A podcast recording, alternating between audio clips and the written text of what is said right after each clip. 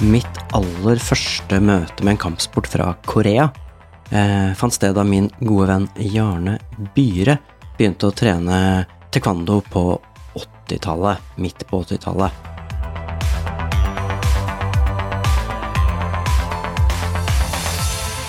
Og jeg husker at han kom tilbake fra disse taekwondo-treningene med mange fysisk tøffe øvelser som vi selvsagt eh, testa ut på alle måter og ved alle anledninger.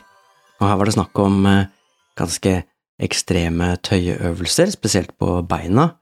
Det var høye spark, det var pushups i alle varianter, og en haug med vanvittig tunge froskehopp og spensthopp. Det var ekstra kult, syns jeg, at uh, tellingen og instruksjonene foregikk på koreansk.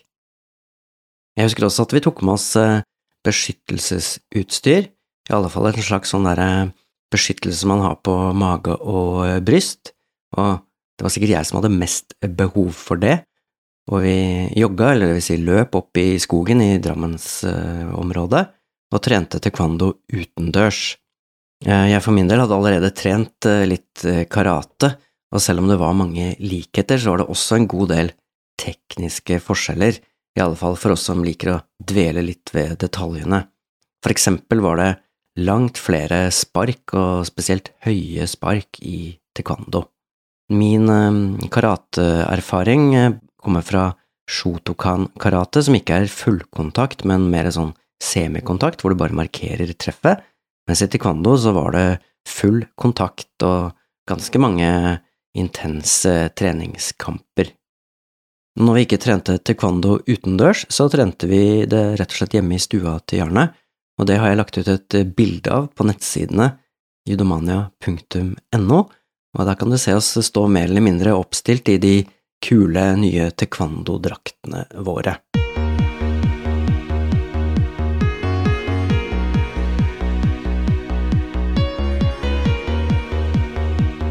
Og apropos eh, drakter, da den eh, samme Jarle midt på 90-tallet kom tilbake fra eh, studier i Korea og plutselig hadde på seg en hvit drakt med svarte sømmer på, så ble jeg veldig nysgjerrig på hva det her kunne være.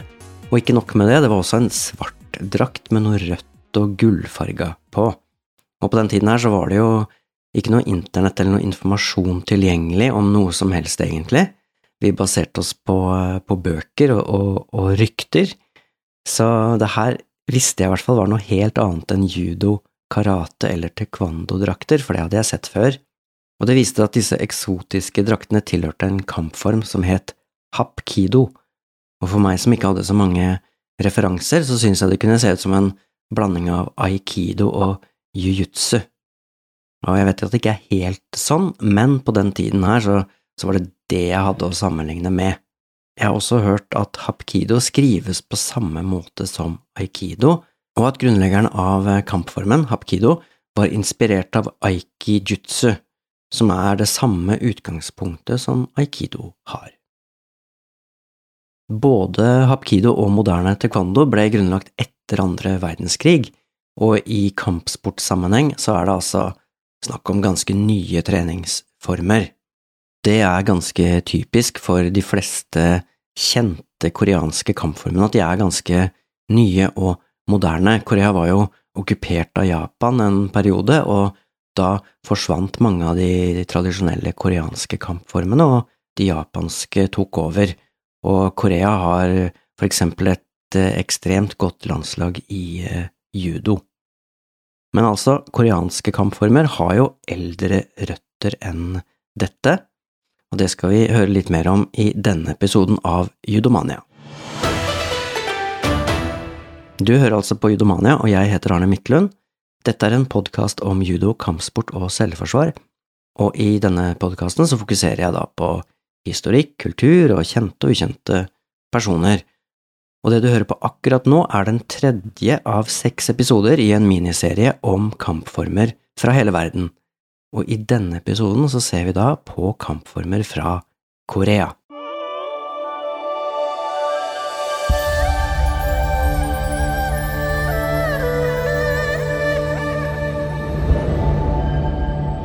Jeg startet denne episoden med å nevne to av de kanskje mest kjente kampformene fra Korea, nemlig taekwondo og hapkido, men nå skal vi gå litt tilbake i historien, og de eldste formene for koreanske kampformer som vi kjenner til, kalles for sireum og subak, og så har du også tekyon, som muligens også er en gammel kampform, men her er det litt vanskeligere å finne de virkelig gode kildene. Så nå tar jeg for meg litt om disse tre kampformene i tur og orden, og vi starter med sireum, og eh, vet ikke helt hvordan du uttaler det, det skrives på med våre bokstaver, så starter ordet med to s-er. Sireum. Det er uansett en form for bryting som kan minne litt om eh, russisk bryting, sånn sambo, og det kan også minne litt om judo, eller sumo for den saks skyld. Utøverne har belter rundt eh, livet, men ellers så er det mange varianter av klesdrakt og kostyme.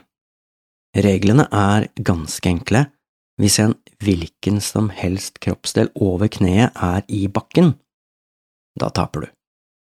Og ut fra de videoene jeg har sett, så kan det virke som en hovedstrategi er å ta tak i beltet med den ene hånda og prøve å dytte på benet på utsiden av kneet med den andre. Og selve kampen kan minne litt om det vi kalte for brytering da jeg gikk på barneskolen, bortsett fra at underlaget i denne ringen består av sand, og at diameteren på ringen er omtrent sju meter. Disse bryteringene jeg husker, det var jo på asfalten, og det var bare en meter store ringer. Sånn sett så kan jo arenaen minne litt om den arenaen som sumokamper foregår på.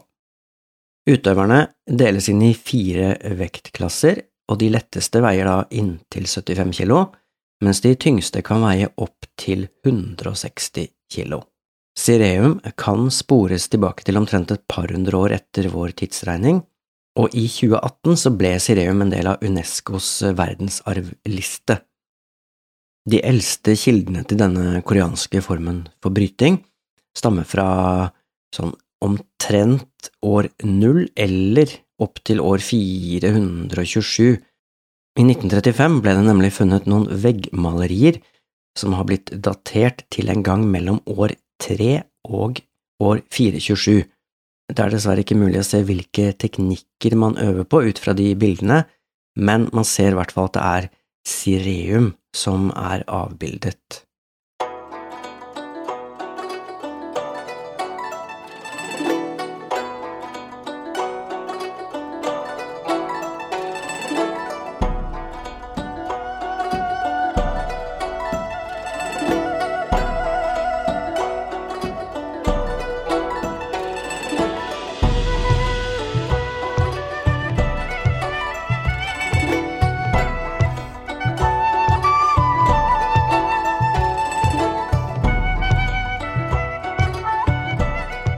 Den neste kampformen jeg hadde tenkt å nevne, kalles for subak. Og der handler det mer om, eh, om slag, og det kan minne om boksing, karate eller kung fu. Utøverne slår gjerne med åpne hender, men de kan også finne på å bruke knyttnever. Og her er det faktisk mange som diskuterer hva som var vanlig i den ekte og opprinnelige formen for subak. Er det liksom lukkede hender, altså knyttnever, eller er det kun flate og åpne hender som brukes? Og akkurat denne diskusjonen blir jo ikke enklere av at det finnes flere kampformer med nesten det samme navnet, så det kan være lett å forveksle dem, og dessuten så sørget jo den japanske okkupasjonen av Korea for at mange av de koreanske kampformene gikk i glemmeboka, og subak var en av disse, og da subak gjenoppsto etter okkupasjonen, så så kanskje kampformen annerledes ut, rett og slett fordi ingen kunne si hvordan det egentlig hadde sett ut. Det som er sikkert, er at en viktig treningsform i subak er den såkalte subak-dansen, og i denne dansen så går utøverne gjennom alle de grunnleggende bevegelsene og teknikkene i subak.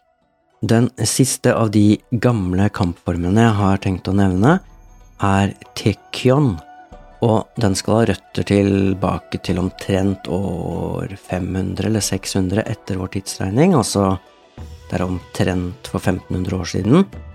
Og da var denne kampformen forbeholdt overklassen, men i løpet av perioden rundt år 1000, altså omtrent da vi hadde vikingtid her til lands, så ble Tekyon populært blant folk flest i Korea. Det som kjennetegner Tekyon, er eh, det akrobatiske fotarbeidet.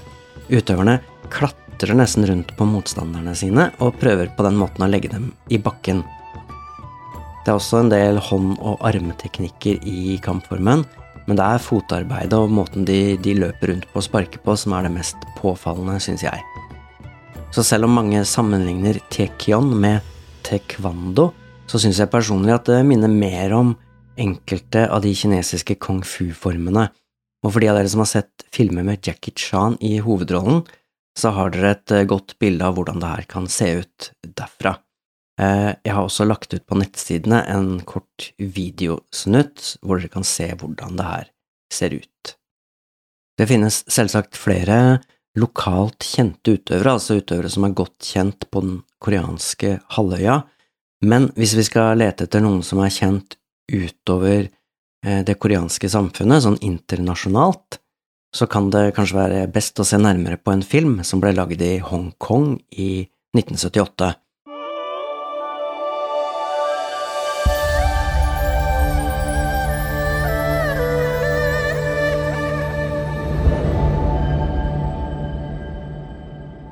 Og i filmen Game of Death, der Bruce Lee spiller hovedrollen, må han nemlig beseire den fantastiske Jihan Jay, Og mange anser han for å være den egentlige grunnleggeren av kampformen hapkido.